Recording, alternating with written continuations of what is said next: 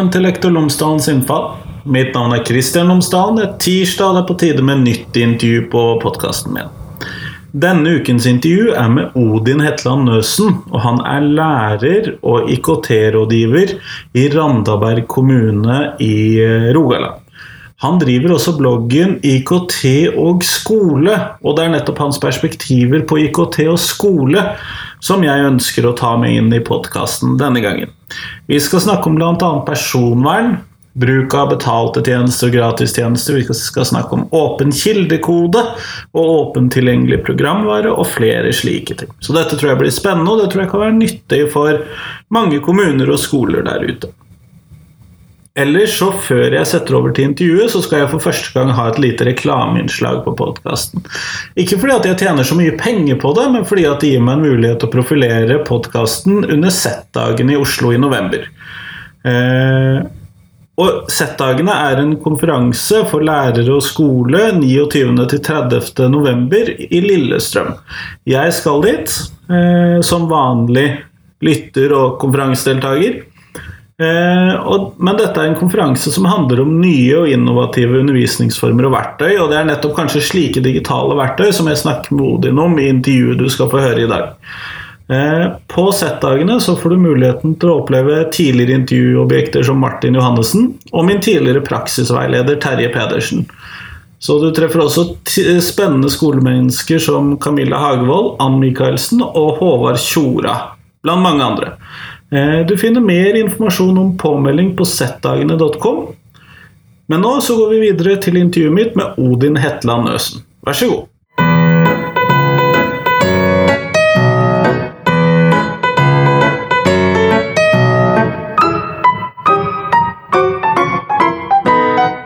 Tusen takk for at du har kommet for å prate med meg i dag, Odin. Ja, bare hyggelig.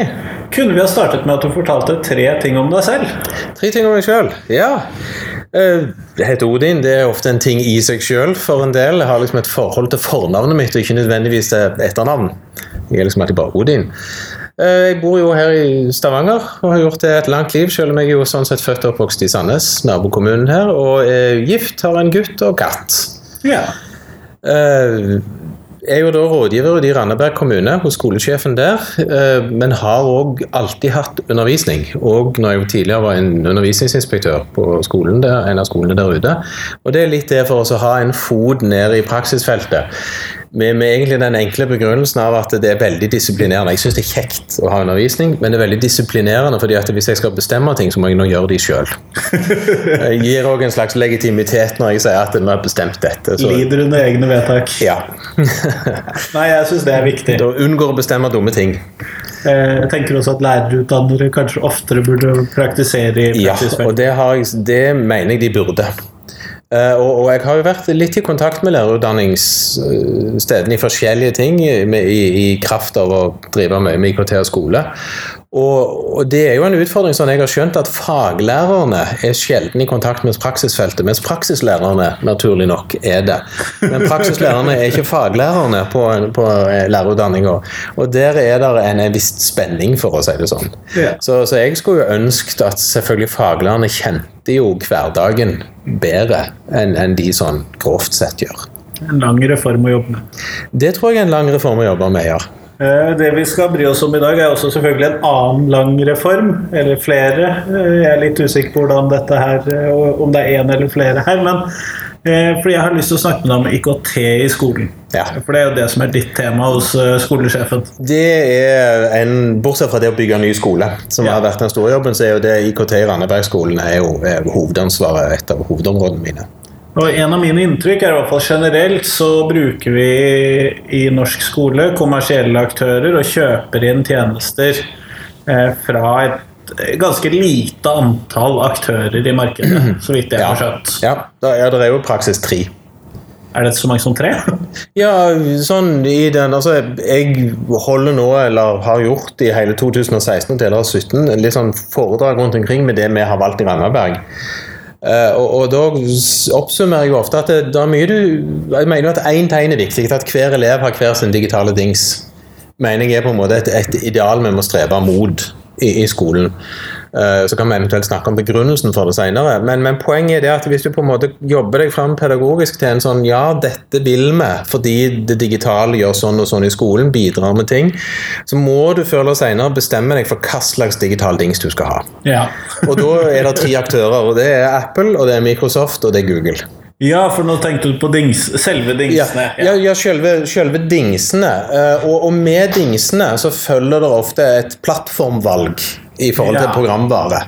Kunne du fortalt meg mer om det? For jeg skjønner jo selvfølgelig at med Microsoft så følger det vel antagelig med noe ting fra Microsoft osv. Det skjønner jeg. Ja, altså, hvis du, Vi kan jo egentlig begynne i andre enden. Hvis du velger Apple som maskinvareplattformen din, så, så er du på en måte litt eh, bundet opp da, til selvfølgelig å våge velge Apple sine programvareprodukter i større eller mindre grad. Eh, og, og, og binde deg til den delen av på en måte programvaremarkedet. Og selvfølgelig finnes det, altså Google sin G Suite for Education virker jo rimelig ok på en iPad òg, og Office sin Office 365 eller Microsoft sin Office 365-pakke virker òg rimelig bra på iPad, men, men, men du lever liksom selvfølgelig at Apple sine ting virker best på en iPad. Ja, det merker man jo Ja. hver dag man bruker de. Ja, så kan du selvfølgelig si velger du eh, en eh, Chromebook, altså Apple sin maskin, nei, Google sin maskinvareløsning, så er det jo på en måte bundet til at du må i praksis ha G Suite for Education, som virker jo da utmerka med den løsningen der, men der du selvfølgelig ingenting annet virker. altså Det som virker der, er det som virker i en nettleser. Punktum. Ja. Nå, nå blir jo det litt sånn nytt framover nå med at eh, alle Android-apper i utgangspunktet vil også kjøre på, på Chrome-enheter. Men, men da gjør det litt sånn på samme måte som du er i Apple-verden og, og binder deg litt der, så binder du deg til Google-verden med en Chromebook som maskinvare. Så har du da Microsoft eh, og eh, Windows-maskiner i midten, som, som er jo mer sånne kan kjøre hva som helst, sånn i prinsippet, så lenge det er et Windows-program. Der du kan på en måte òg velge G Suite for Education, fordi du har en nettleser du kan bruke der.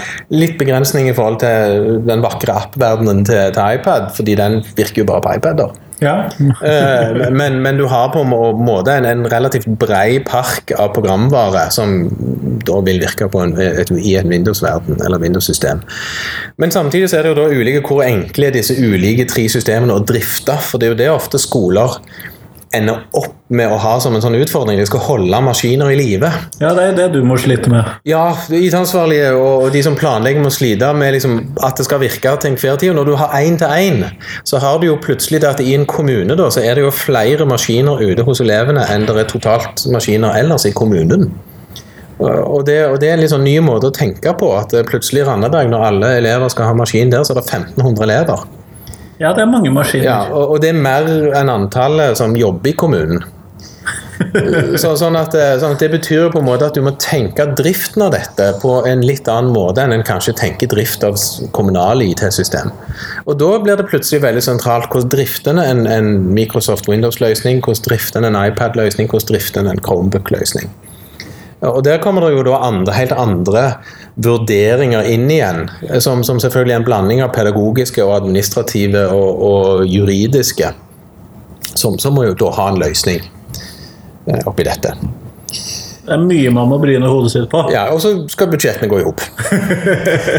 og der er det jo òg igjen ulike altså Én ting er hva maskinvaren koster, og så er det eventuelt lisenskostnader utenom, og så er det jo driftskostnader på, på toppen av det igjen.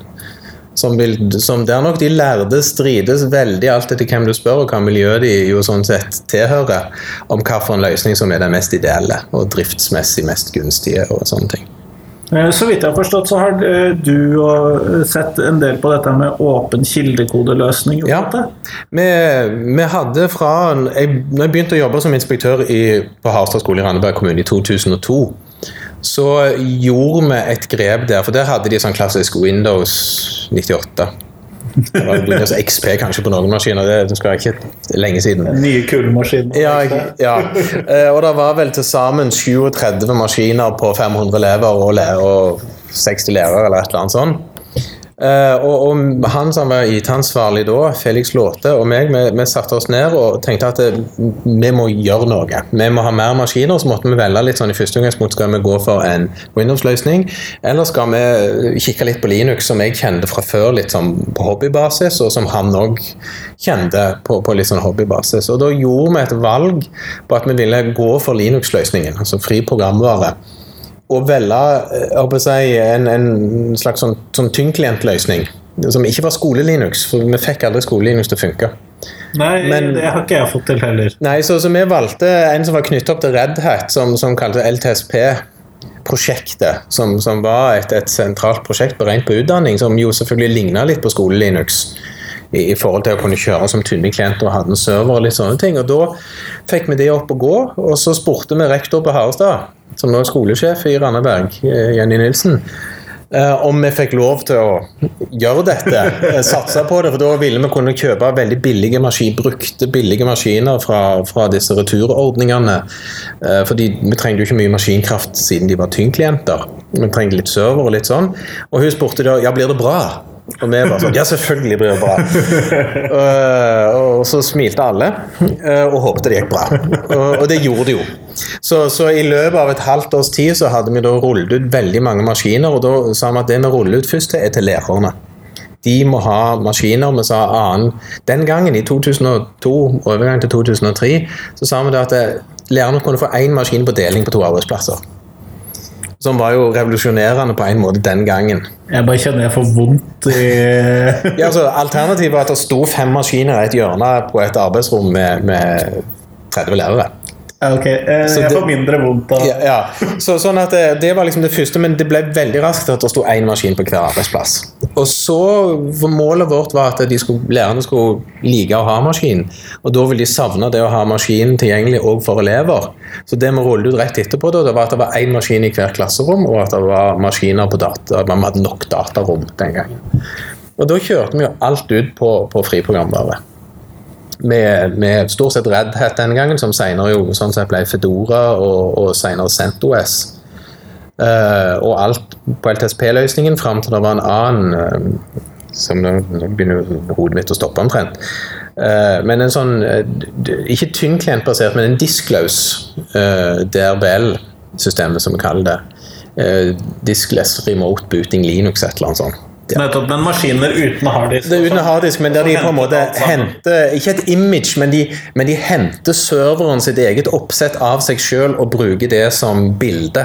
Ja. Sånn at det er ikke en sånn image du må lage, det er bare du endrer ting hos serveren, og da er klienten endra umiddelbart. Så det er en sånn, du får på en måte det beste fra tynn klient og tjukk klientverden med det umiddelbare endringsbiten og enkle oppsett i tynn klient, men samtidig som det er en tjukk klient og har maskinkraft nok til å kjøre egentlig hva det skal være. Ikke bare sånn trege litt sånn Nei, ikke sånn Citrix-seighet-type. litt sånn At alt må kjøre på en server sentralt. Ja, for det har og, vi jo alle prøvd på litt dårlige nettlinjer. Ja, vi har det. Og, og, det som jo da vi rullet ut det både på Harstad skole og Grødem skole i kommunen, og da Det har vi jo kjørt helt fram til offisielt 2015, og det systemet har vært i drift med, med, stort hell, og lærerne har likt det, vil jeg våge å si, og elevene har òg likt det. Og det har vært veldig stabilt, og det er jo på en måte en av de tingene som, som, som har betydd noe. Billig og stabilt. Krasjer ikke annenhver time?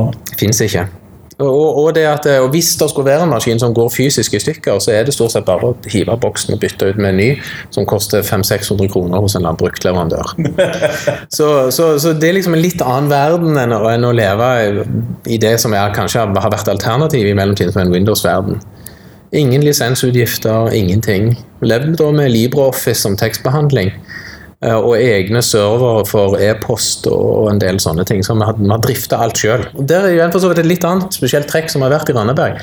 vi har drifta IT-løsningene våre sjøl i skolen.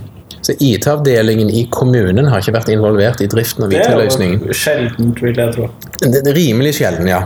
Så skolen har på en måte hatt kompetanse selv til å drifte disse løsningene. Og så har det alltid vært sånn Å, tør vi det?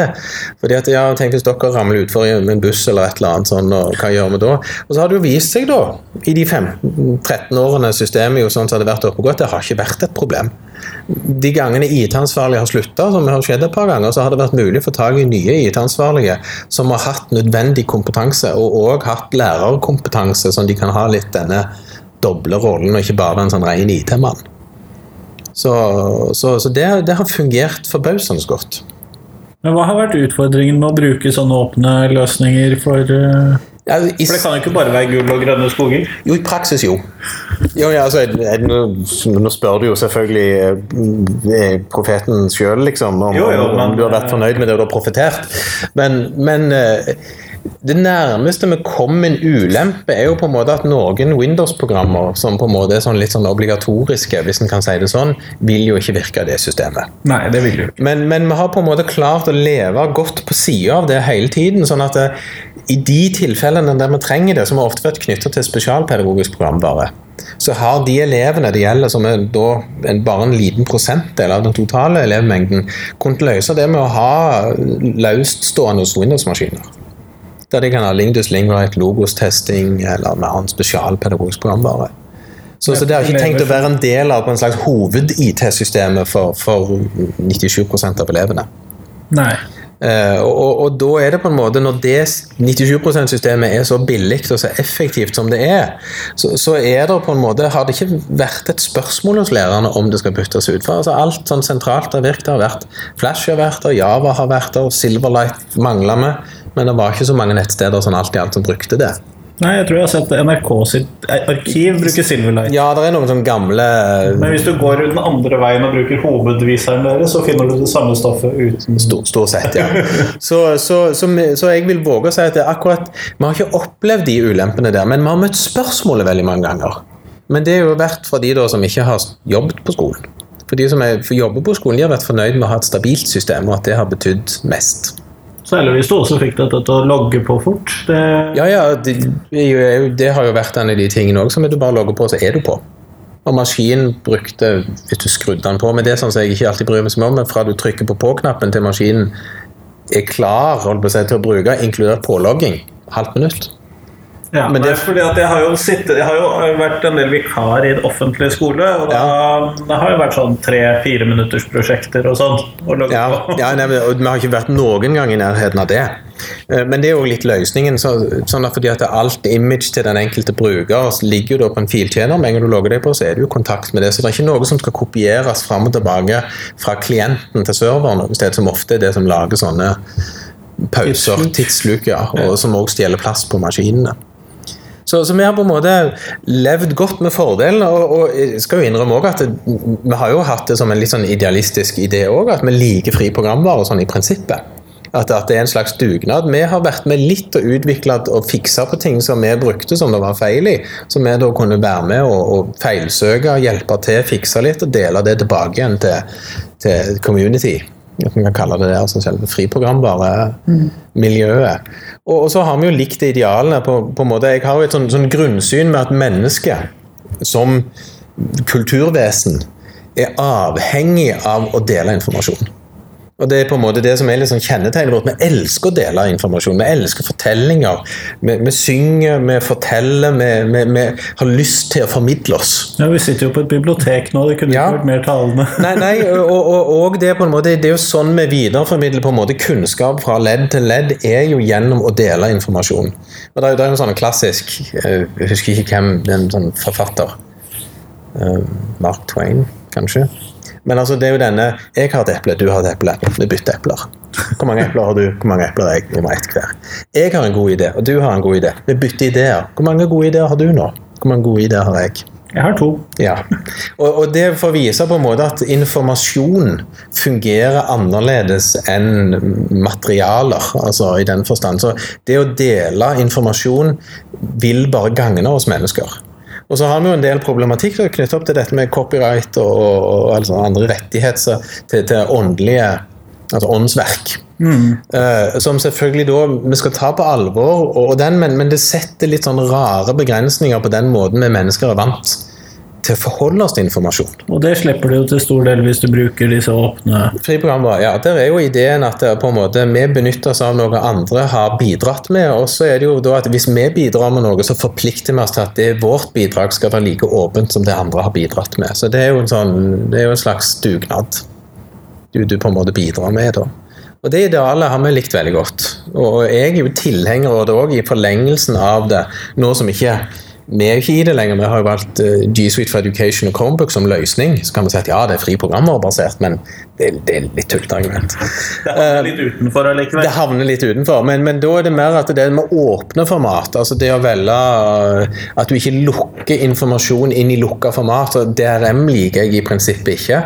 Og, og, og, det å ha spesialis... Altså at ting havner bak en brannmur eller en betalingsmur og ikke blir tilgjengelig når vi snakker om undervisning så, så, blir jeg alltid litt sånn skeptisk. Så det er type NDLA for videregående skole og NDLA grunnskole som er for så på vei nå, med å ha som ideal at dette skal være helt åpne kilder. Wikipedia er jeg fan av de luxe. For det, det bygger på den ideen om at vi mennesker vi deler informasjon, og det er det som får oss framover. Og vi sammen lager noe felles som vi ja. ja. Ja, altså, det, altså Wikipedia eller denne MediaWiki Foundation har jo et fabelaktig visjon om at det, det er liksom Tenk deg den verden der alle kan bidra og dele all, i all verdens informasjon. Og, og, Da er det på en måte ikke bare det at de skal lese den, men de skal kunne være med i den. Og, og bidra der de kan bidra, og få der de trenger å få. Som historielærer så tenker jeg jo at det er viktig, ja. med tanke på hvem som skriver historien. og Det er, det er ja. et par sånne punkter. Ja, det, ja, det kan du òg trekke inn en del, en del der. Så, så, så, idealet bak fri programvare, altså åpen, eller åpen programvare og fri programvare, er, er noe som, som, betyr noe ennå. Selv om vi må liksom se litt sånn realiteten i øynene. at Skal vi ut i en IT-verden i dag, hvis du ikke er på servernivå, men skal ut på sluttbruker- klientnivå, så, så, er det vanskelig å, å, ha en sånn verden. For, fordi at mobiltelefonen Det fins vel knapt nok. altså Det fins bare mer for spesielt interesserte løsninger som er basert på fri programvare. Og Det samme gjelder jo bærbare maskiner, som, som er også litt sånn Lukket. Ja, de fins, men, men, det blir så spesielle miljøer. Altså, du kan alltid kjøpe en bærbar med Ubuntu, liksom.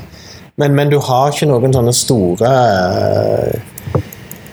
systemer rundt deg. Du blir litt sånn for deg sjøl. Og da må du drifte det. Så vi kunne jo valgt det framfor en Chromebook, men, men nå har vi på en måte praktiske økonomiske hensyn og hva som gir en god skole, valgt en, en, løsning som jo ikke er åpen i den forstand. Mm.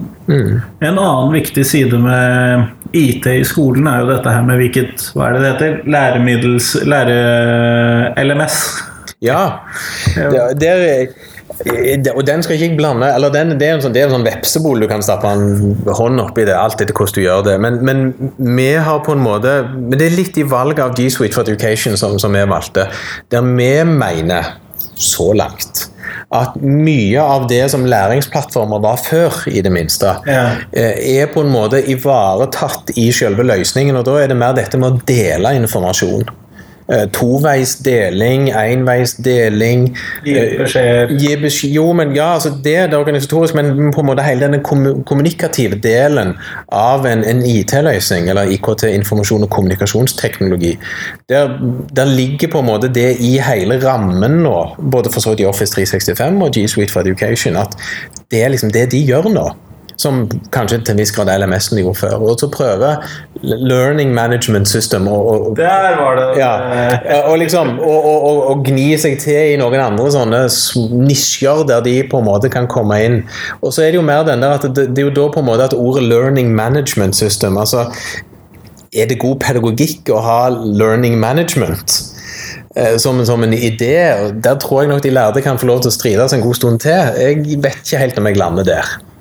Eh, eh, men, men det blir jo en sånn målstyringsforståelse av hva læring er. Og jo, jeg, jeg, jeg er ikke entydig for det. Det passer i hvert fall godt i det nåværende politiske klimaet. i hvert fall. Det, det gjør jo det. Sånn at det, det her har du målene, har du nådd i avkrysning, avkrysning, avkrysning. Og da vil selvfølgelig da vil ikke Office 365 eller G Suite for Education hjelpe deg særlig. De amerikanske systemer de har nokså uttalt nokså direkte om at vi er ikke interessert i det. det er for på en måte, vi lager, Nasjonene får lage nasjonale løsninger for det.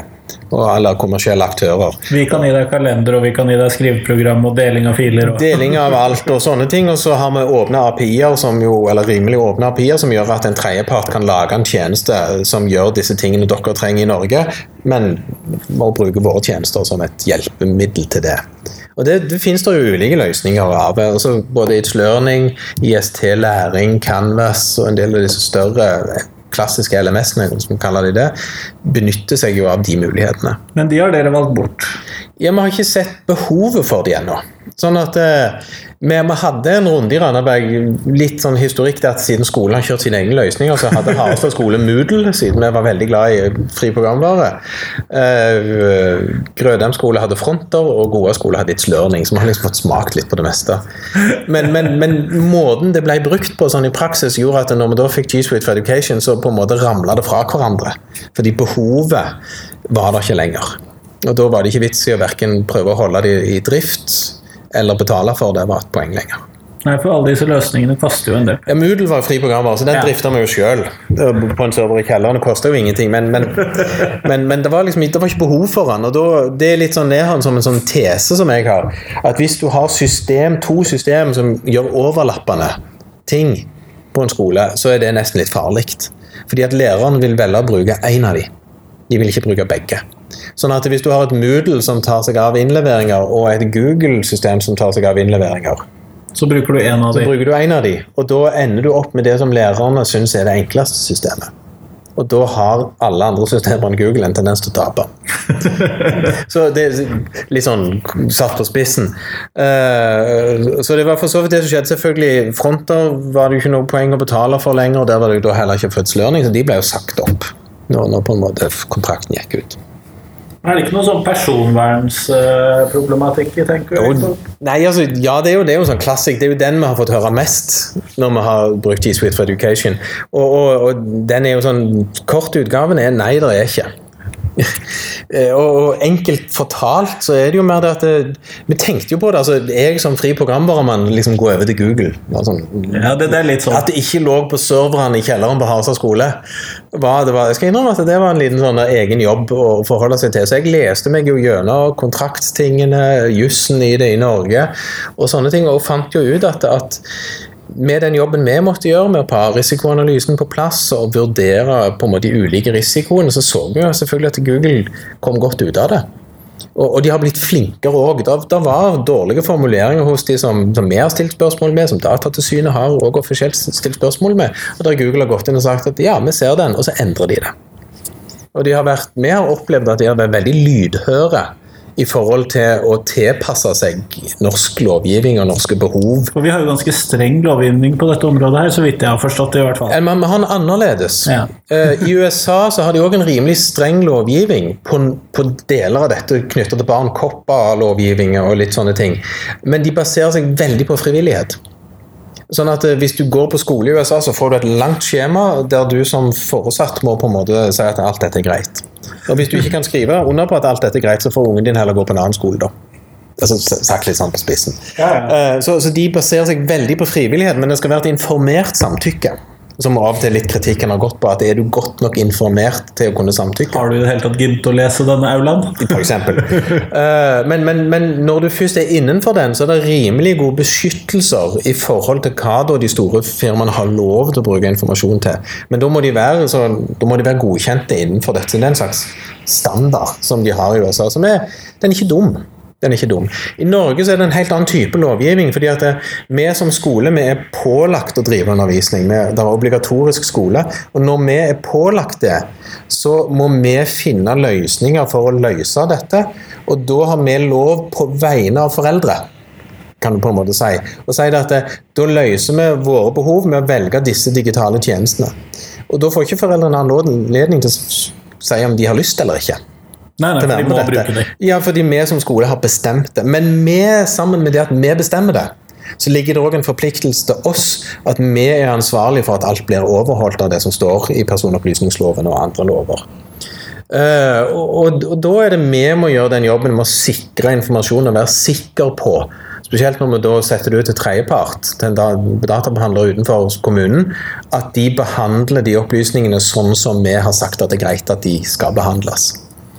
Og, og Google syns jeg er gode til å ha beskrevet i detalj hvordan de sikrer ting, hvordan de behandler ting, hvordan de forholder seg til ting.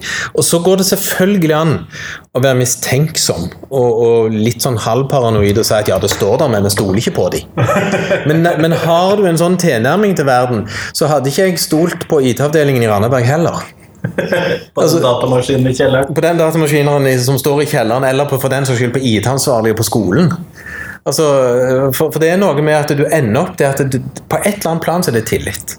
Og Noen ganger er det en juridisk forpliktende tillit som er der det får juridiske konsekvenser hvis denne tilliten blir brutt.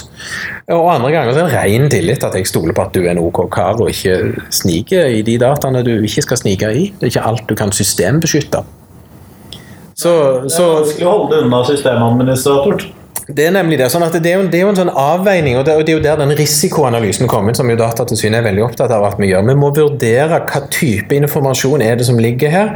Hva, kan, hva misbruk kan risikere, kontra hvor ille vil det være om sånn og sånn skjer. Og, og, og, selvfølgelig sensitive personopplysninger som er helserelaterte opplysninger, og litt sånne ting, må vi behandle annerledes enn ikke-sensitive opplysninger. Men det putter du kanskje ikke ut i Google uh, Driven? I utgangspunktet så gjør vi ikke det.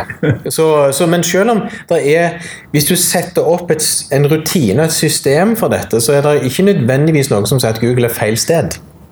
Altså, Det er ingenting i veien med å legge det hos Google hvis rammene og sikringene av den informasjonen er innenfor det vi anser som godt nok. Det er ikke et lovverk som sier at denne informasjonen må ligge på norsk jord, som det f.eks. er i forhold til arkivlovgivningen.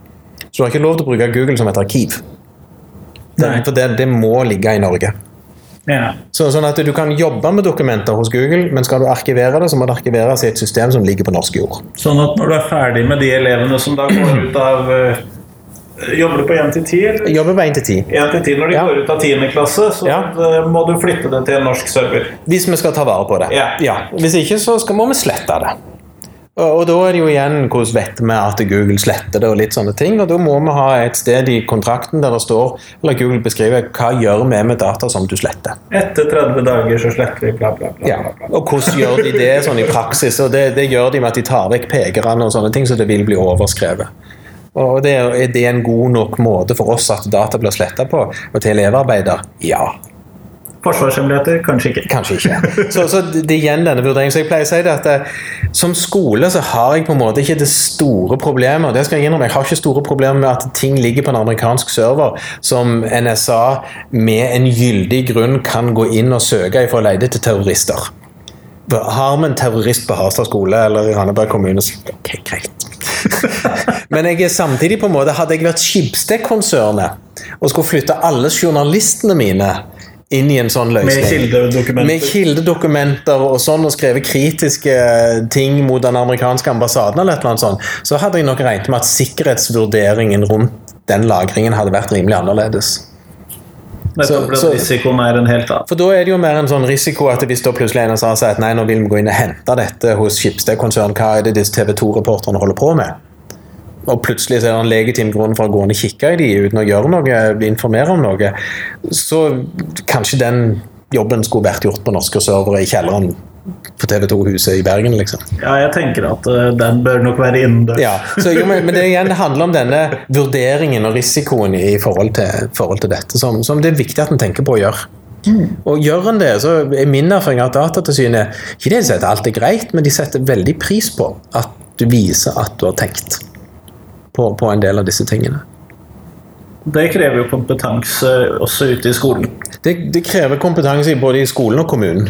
Eh, og selvfølgelig denne nye persongivningsforordningen som, som kommer 1. mai 2018 med endringen der, den, den, gir jo en del utfordringer. Hvis du, hvis du følger dagens personopplysningslov litt sånn til punkt og prikke og sånn best practice i forhold til hva Datatilsynet sier, så er det, er det ikke store endringen. eh, fra det til det som, som kommer nå. Men, men, selvfølgelig har du levd litt sånn i gråsonen i dagens lov, så har du ikke en bønn forbi lenger neste år. Så, så man trenger en eh, kompetanseheving enkelte steder, i hvert fall. Det gjør du. Men det ligger jo litt for så vidt i loven òg at enhver kommune eller hver bedrift skal ha en sånn sikkerhetsansvar, liksom, som ikke nødvendigvis alle har på dags dato. Mm. Det er jo noe som eh, noen av lytterne kanskje bør ta med seg videre. ja, altså, og, og, Men det, det som er jo mest spennende, som jeg har som en sånn tommelfingerøvelse denne, Selv om jeg tror jeg har god oversikt over de systemene bruker Randaberg, så er det en veldig god øvelse, for du oppdager alltid noe. Det er jo rett og slett bare å lage ei liste over alle systemer eller alle steder der vi lager en eller annen form for personopplysning. For det er de systemene du på et eller annet plan må ha en oversikt og en orden på. Og det er forbausende hvor mange vi har. Som altså, nøkkelkortsystem i kommunen. Ja, den har du antagelig ikke skrevet ned på den listen før du Nei, du, før, du, før, du, kommer på den. Ja. Og det er liksom sånn, jo, for det kortet jeg har, det er jo lagra på mitt navn. Det registrerer jo noen opplysninger om meg. Ja, det er lokalt lagra i kommunen, ikke hos en tredjepart, men jeg er sikker på det. Blir disse dataene overført til et annet system, til personalsystemet, for å beregne en eller annen uh, sånn fleksi timepott? Altså, hvordan blir det brukt videre? Overføres disse dataene videre på et eller annet til IBM som skal utbetale meg lønn? Sitter sjefen min og studerer dette for å se når ja. jeg var på jobb i forrige måned? Ja, altså, jo, men Det er en masse sånne ting som på en måte ei sånn liste Bare med å begynne med lista kan få en del sånne tankeprosesser til å komme i gang. Uh, og, og, vi har jo I skole så har vi jo et, system som heter FEIDE. Felles elektronisk identitetshåndtering. Som er jo initiert av Uninett Norge, og som er bestemt at alle offentlige, og vel for så vidt private, kanskje, ja, utdannings, ja, altså utdanningsinstitusjoner. Ja, de, de, har sagt at alle skal registreres der. sånn at hvis du er i et utdanningssystem i Norge, så skal du ha en sånn en feid identitet. Og så skal du da kunne koble den identiteten mot tredjepartstjenester. Og, og bare for å ta et sånn helt banalt eksempel. Du kan skru på Feide opp mot NRK skole som er jo denne ja, ja. videotjenesten til NRK for skoleting. Du kan bruke NRK skole uten å logge på med Feide, men, men hvis du logger på med Feide, så vil han huske hvor du var sist i filmen, en bestemt film, hva filmer har du sett, og litt sånne ting. Men når du går inn der, så spør da NRK skole Feide-systemet etter veldig mange opplysninger. Navn, ja, hvem du er hva, ja. Og, og da, er det, da er den sånn Dette blir nå overført fra Feide til NRK skole. Og Der ser du at der er det jo personopplysninger, som jo da NRK kobler i nye opplysninger til. og Altså blir NRK skole en databehandler. Ja. For de behandler da personopplysninger. Og så er da spørsmålet er det frivillig. Eller er det en behandling som er tvungen, som da jeg som kommune må ordne et forhold med NRK fordi at jeg pålegger elevene å, å opprette informasjon hos NRK skole. Det er vel vepsebol, det her òg? Ja, altså, det kan jo det. Matematikk.org har litt det samme. altså Sånne litt frivillige tjenester. som du verken... Ja, men det er Vi som lærer det, pålegger jo elevene masse av disse. Ja, og, og, der er det jo da at plutselig så ser jeg gjennom bare sånn Randaberg kommune Å ja, vi har 28 feidetjenester jeg har skrudd på. ja, og, og 20 av de overfører personinformasjon.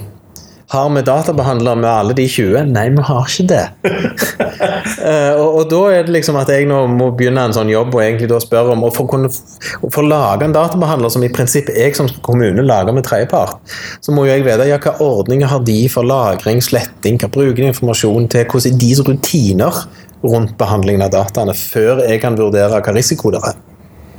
Og jeg, det blir spennende å se om jeg, hvor mange svar jeg får.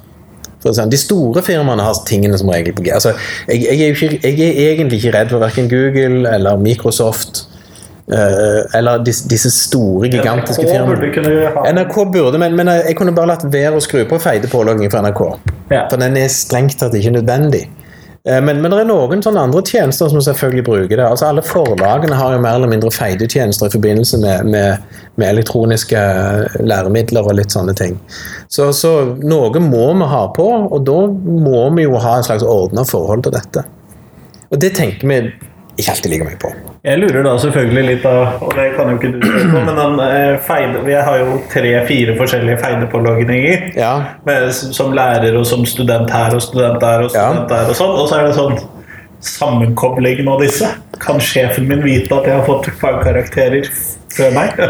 Ja, det er I prinsippet ikke i feide, men da må jo for så vidt noen to feide, eller to systemer som òg bruker feide, hvis de kobler seg sammen, så vil du jo kunne få interessante kryssopplysninger. Ja, for, det, for det ligger jo mye av sånn gjenkjennbar informasjon på hver av disse feilekoblingene. Ja, Det, det er jo litt hva de plukker ut. Ja. Altså, selvfølgelig Hvis de velger å plukke ut personnummer fra den feide kontoen din og fra den feide kontoen din, så er det rimelig enkelt å koble det. Og så gjenkjenner de telefonnummeret ditt fra den tredje. Ja, ja, ja så, så det finnes mange muligheter til å gjøre sånne ting. Og selvfølgelig, det er jo det som da må med i en databehandleravtale med den enkelte tredjepart. Hvem deler du informasjon med, hvorfor gjør du det, hva er hensikten med det?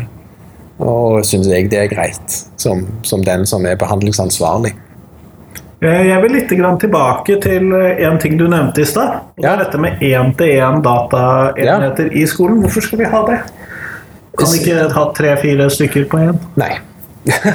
altså, kort fortalt, jeg, jeg pleier å si altså, um, vi, må tar en sånn litt sånn anekdotisk, egentlig sånn Når jeg gikk på ungdomsskole eh, i begynnelsen av 80-tallet, så var skolen det stedet du kunne få lov til å prøve ny teknologi. I dag er litt sånn satt på spissen, og skolen det stedet der du ikke får lov til å prøve ny teknologi. Nei, den er definitivt ikke ny, stort sett i hvert fall. Nei, nei men altså, du blir også, altså, mobiltelefonen og alt disse problematikken. Altså, det som er ny teknologi og ny miljø, det, er- det er mer sånn skolen jobber litt sånn aktivt mot det. Mens før så var skolen stedet der du kunne få prøve. Det liksom var litt For mange hadde ikke datamaskiner hjemme. og Nei, nei, altså Tidlig på 80-tallet hadde jo ingen sånn i praksis. Altså Det var rett liksom ZX eh, 81 eller 8081 og kom Spektrum i 20. Commodore 64 kom noen år etterpå. Altså, du er liksom i den fasen der, og skolene det, Du var liksom heldig hvis det var et lite rom med seks Commodore 64 eller et eller annet sånt. Eller Kon-Tiki. Og på den skolen som hadde en interessert Lærer, ja, og som satte av litt penger og litt sånne ting, hvor det var valgfag data, eller EDB. Uh, det, det er den, liksom det ene perspektivet, at det må vi gjøre noe med. Eh, og så er det det andre perspektivet, som, som jeg sier, da, er grunnen til at alle elever må ha hver sin digitale dings, simpelthen fordi at det finnes ute i hverdagen. For hvis vi ikke klarer å trekke inn hverdagen inn i skolen og på en måte aktualisere skolen og gjøre den gjenkjennbar for elevene, så, så mislykkes vi i skoleoppdraget. Og, og siden det digitale er så aldeles tilgjengelig der ute, så må det òg være tilgjengelig i skolen. Og i praksis så er da én til én den eneste mulige løsningen, for låser du det inn på et datarom, så er det ingenting hverdagslig med det. Eller det er heller ikke noe jevn bruk. Da, da sitter du med blyant og papir i 90% av, av tida. Og, og dermed så må du ha det ut én til én sånn i praksis. Finner du en god løsning der du på en måte i klasserommet kan når som helst løse én til to, ok, men jeg tror faktisk det er enklere med én til én. Uh, og det er på en måte ho hovedutgangspunktet. Altså, du må ha teknologien ut. Og så må du begynne jobben med å finne ut hva god pedagogikk kan jeg nå gjøre, nå som teknologien i klasserommet er annerledes.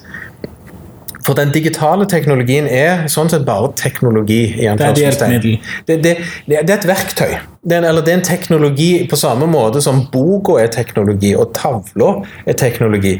Pulten er teknologi. En stol er te altså, men, altså, Innredningen i et klasserom er på en måte et uttrykk for hvordan informasjon kan formidles sagt litt sånn, Læreren er et uttrykk for hvordan informasjon kan formidles. Boka er det. Og da selvfølgelig det å ha en, en datamaskin koblet opp til internett radikaliserer jo på en måte litt denne forståelsen av hvordan er nå informasjon tilgjengelig. Hvordan skal vi jobbe med informasjon? Produsere det, finne det. Eh, Det er vel Store norsk leksikon har et glitrende sitat. eh, At du kan ikke ta ny teknologi på alvor uten å være villig til å og øh, om håper jeg, å, er villig til å om det blir altså organisering øh, Ja, nå har glemt det. Men, og, og Men du er nødt til å se på struktur. hele strukturen. Ja, du liksom, ja når, når ny teknologi kommer inn, og skal du ta den på alvor, så må du være villig til å på se på alt. alt for teknologien Jeg pleier å si når jeg provoserer litt, så sier jeg at det er tre momenter i et klasserom. Du har teknologi, innhold og pedagogikk. Og Hva kommer først, og hva er viktigst? Og da pleier jeg å si at Teknologien kommer alltid først. For teknologien er det som styrer hvordan innhold kan formidles. Når tavla kom, så forandret det og når blyanten kom, forandret det noe. Og boka kom, så forandra det seg. Altså, når teknologien endrer seg, så endrer måten du presenterer eller får tak i, bearbeider, jobber med innhold på, endrer seg. Og så kom pedagogikken til slutt. Der du må på en måte spørre hvordan kan jeg bruke teknologien til å formidle innhold, eller lage innhold som står i forhold til, de, til det som er målet for undervisningen.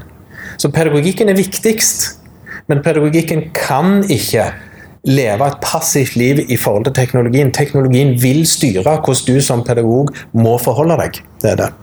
Så de som sier at pedagogikken kommer først, mener jeg tar helt feil. Pedagogikken kommer sist.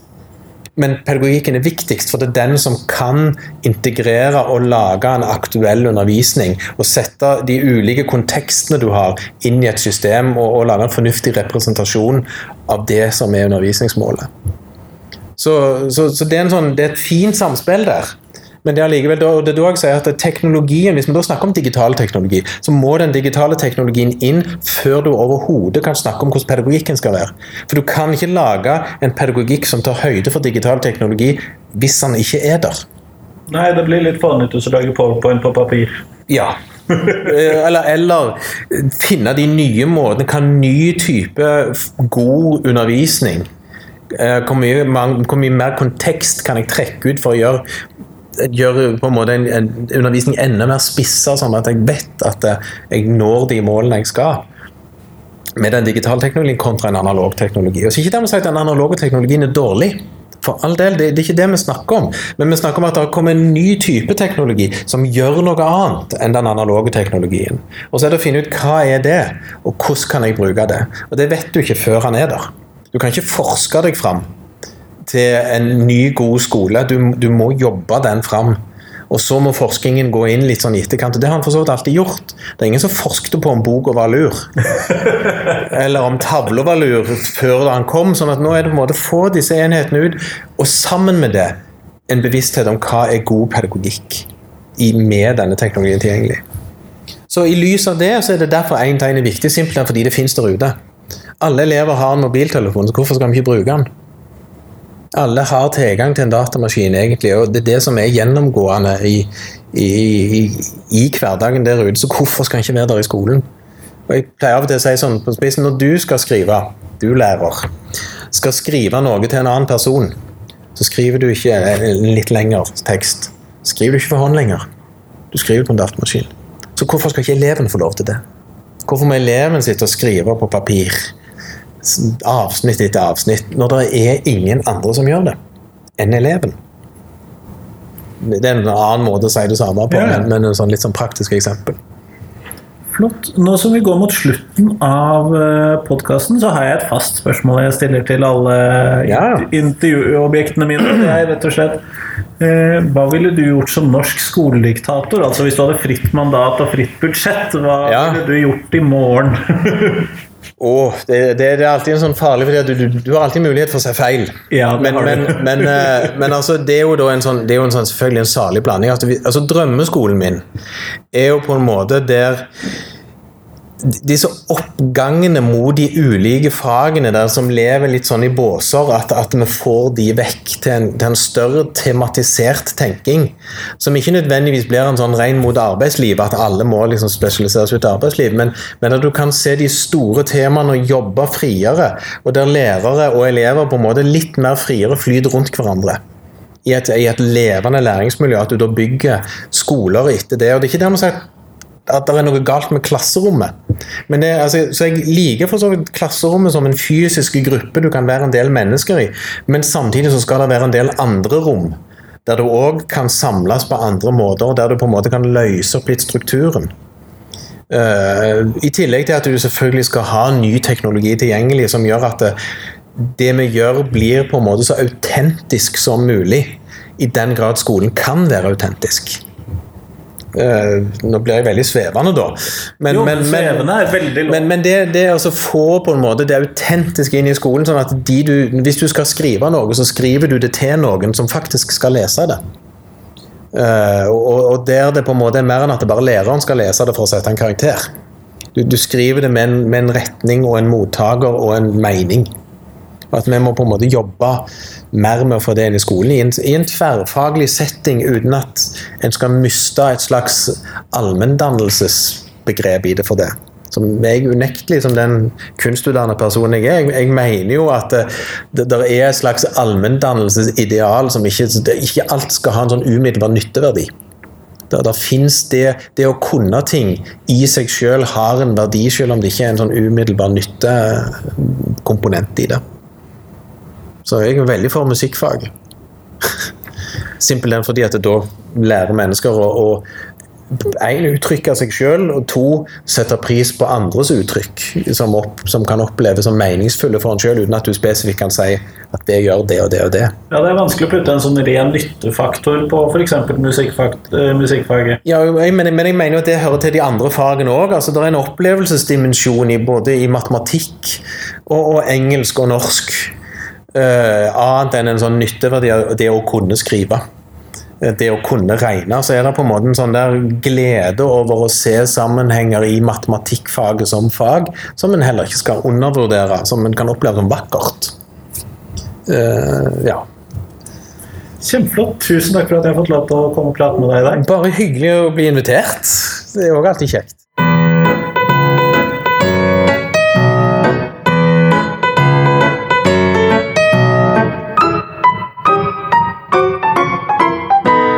Tusen takk til Odin, og tusen takk til deg som hørte på. Nå er det én uke til neste intervju, og da møter vi Tone Sørfonn Mo, og vi skal snakke om situasjonen i Vest-Sahara enda en gang på podkasten. Men frem til det så håper jeg at du kan dele podkasten med noen du tror vil sette pris på den. Jeg håper du vil eh, eh like på Facebook, skrive et eh, review på iTunes, eller du kan følge podkasten på Soundcloud. Alle disse tingene gjør det mulig for meg å bli litt mer profilert både på iTunes og Soundcloud, og gjør det mulig at andre mennesker også hører om podkasten. Så det er en lett måte å hjelpe meg å spre podkasten ut til andre. Men fram til neste gang, ha en god dag videre.